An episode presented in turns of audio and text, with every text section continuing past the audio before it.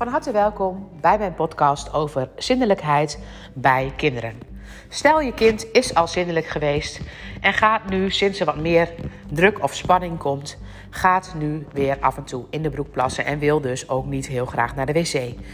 Ik weet, eerlijk gezegd, precies als ouder ook, hoeveel frustratie dat met zich mee kan brengen. Maar wat gebeurt er nou precies? Graag neem ik je in deze podcast hierin mee. Want kijk je naar plassen, kijk je naar poepen, laat ik dat eerst beginnen. Poepen gaat over trauma's, over zware materie, over vieze, oude shit. Daar is ook een podcast over opgenomen. Dus als een kind poepen steeds, de poep steeds bij zich houdt, of steeds kleine beetjes poept in de broek, uh, niet naar de wc wil, obstipatieklachten heeft. Het gaat allemaal over het loslaten van oude shit en hoe jij als ouder dat doet. Want dat wat een kind laat zien is altijd een spiegel van onszelf. Eigenlijk alle kinderen onder de 1 behandel ik nog uh, fysiek, maar ik neem geen nieuwe kinderen meer aan boven de 1. Niet voor niks, maar dat doe ik niet omdat ik weet dat het verhaal nooit alleen het kind is. Dat er altijd een spiegel is. En we zijn zo geneigd als ouders om dat wat we bij ons kind te zien, te zien als een probleem waar wij ons zorgen over gaan maken. Nou, als iemand zich zorgen gaat maken over mij, dan voelt het helemaal niet fijn. Dan voelt het niet alsof ik volwaardig ben. Ik denk dat het belangrijk is, en ook hier heb ik een podcast over opgenomen, dat wij ons geen zorgen maken over onze kinderen, maar dat we zorgen voor onze kinderen. Net een andere nuance. Want het moment dat je je gaat zorgen maken over je kind, dan voelt een kind dat. Dan voelt een kind dat jij iets wat hij of zij doet niet heel prettig vindt en lastig vindt en dat je dat graag anders zou willen. Onbewust is dat een soort afwijzing. Iets doe je niet helemaal goed. Iets doe je, zeg maar, iets gaat er niet helemaal goed. Als een ouder zorgen maakt om zijn kind, wat elke ouder wel een keer doet, dus dat is geen kwaad, ik bedoel dat niet helemaal verkeerd, maar probeer jezelf bewust te zijn dat we eigenlijk alleen maar hoeven te zorgen voor onze kinderen. Iets meer afstand daartoe bewaren.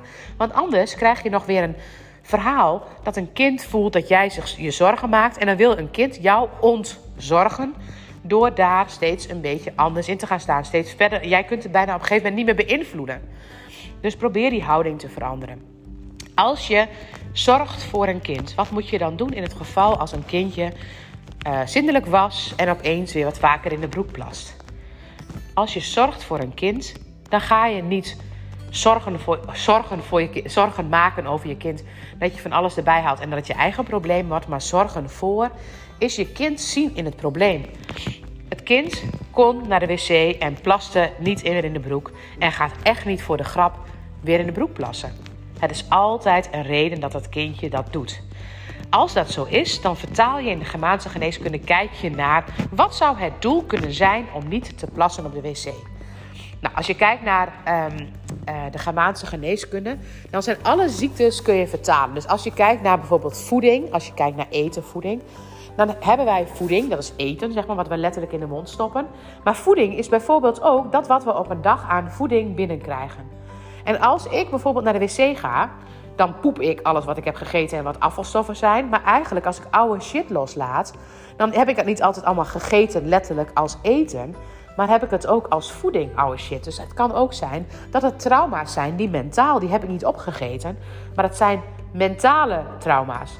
Nou, kijk je naar plassen, dan heb je natuurlijk drinken wat je weer uitplast. En drinken is vloeibaar en vloeibaar zijn emoties.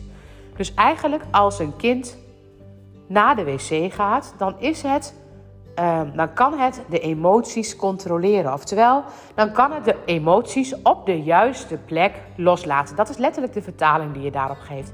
Als een kind dat niet doet, als een kind de emoties bij zich houdt, heel vaak kan ik dan echt één op één aan ouders vragen. En oudste kind vaak als moeder, tweede kind vaak vader. Maar niet, dat is heel generaliseren, maar het is vaak wel zo. En op het moment dat je naar het eerste kind kijkt en het eerste kind zal steeds in de broek plassen, of uh, kleine beetjes in de broek plassen, of ophouden en niet naar de wc gaan, dan hou jij waarschijnlijk zelf ook jouw emoties op. Ga jij zelf wel plassen van alles waar jij last van hebt?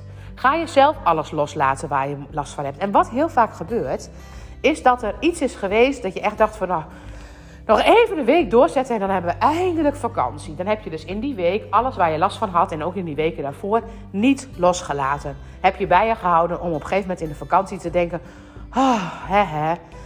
eigenlijk ben je in die periode dus niet zindelijk geweest qua emoties. Want je was moe, het lukte allemaal niet meer, het was wat veel, ik zeg maar wat. Maar er zijn allemaal dingen die dan meespelen.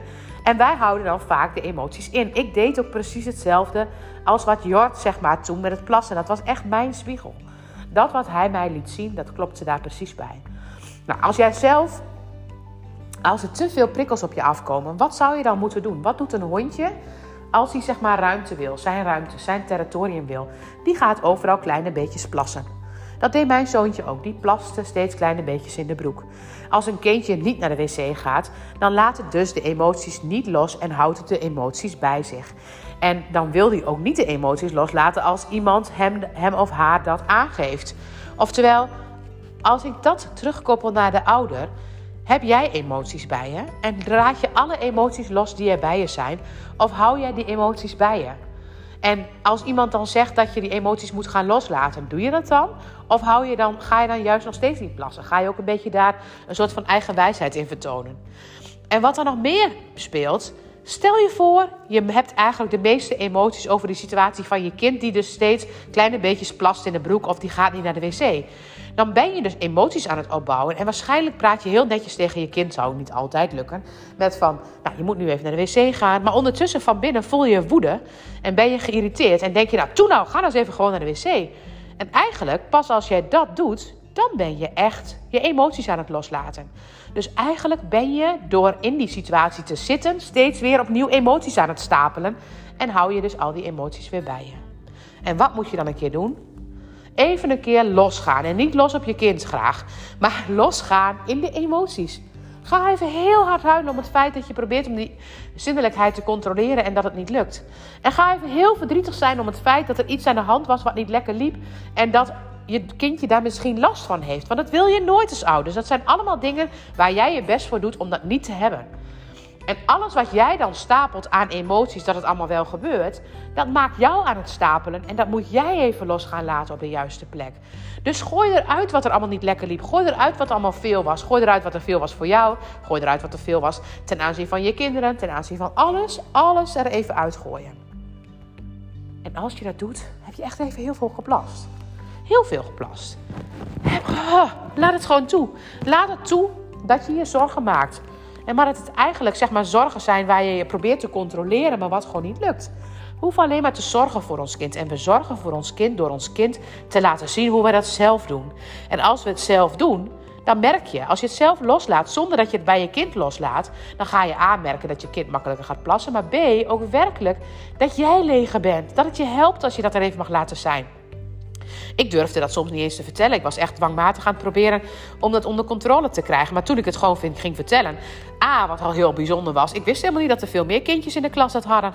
dat wist ik niet. Het grappige was, toen ik dat dus vertelde, was het zo. En het ontlaadde mij meteen dat het dus op die manier zo in elkaar zat. En dat er dus ook andere kinderen hetzelfde probleem hadden. Terwijl ik dacht dat ik daar alleen mee kampte met mijn zoon. Dus alleen al het vertellen gaf al zo'n ander perspectief. Gaf al zo'n ontlading. En het moment dat ik erachter kwam dat Jort, zeg maar, toen hij, als hij op school was, dat hij steeds probeerde om zijn omgeving af te, uh, te bakenen met steeds kleine plasjes. Toen ontdekte ik hoeveel impact de situatie in de praktijk waar ik toen nog werkte had op mij. Dat er steeds mensen bij mij binnen konden komen om vragen te stellen. En dat ik eigenlijk soms wel eens wou van, oh, even de deur dicht, even mijn territorium afbakenen.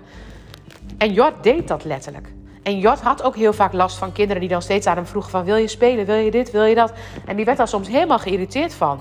Maar eigenlijk was ik degene die geïrriteerd was van het feit van... er kwam iemand weer, weer langs om koffie te drinken... of even iemand weer langs om een vraag te stellen. Ik was degene die daar hetzelfde in voelde. En wat laat je kind al zien op het gebied van emoties? Waar stapel jij emoties? Waar heb jij ruimte nodig die je niet genoeg hebt? En als je dat voor jezelf oplost Voel maar eens hoe zo'n ontspanning dat gaf. Want toen ik het ging oplossen, gaf me dat een duidelijke ontspanning. En die ontspanning die zorgde ervoor dat de situatie compleet draaide en er een hele andere situatie ontstond. Dankjewel voor het luisteren.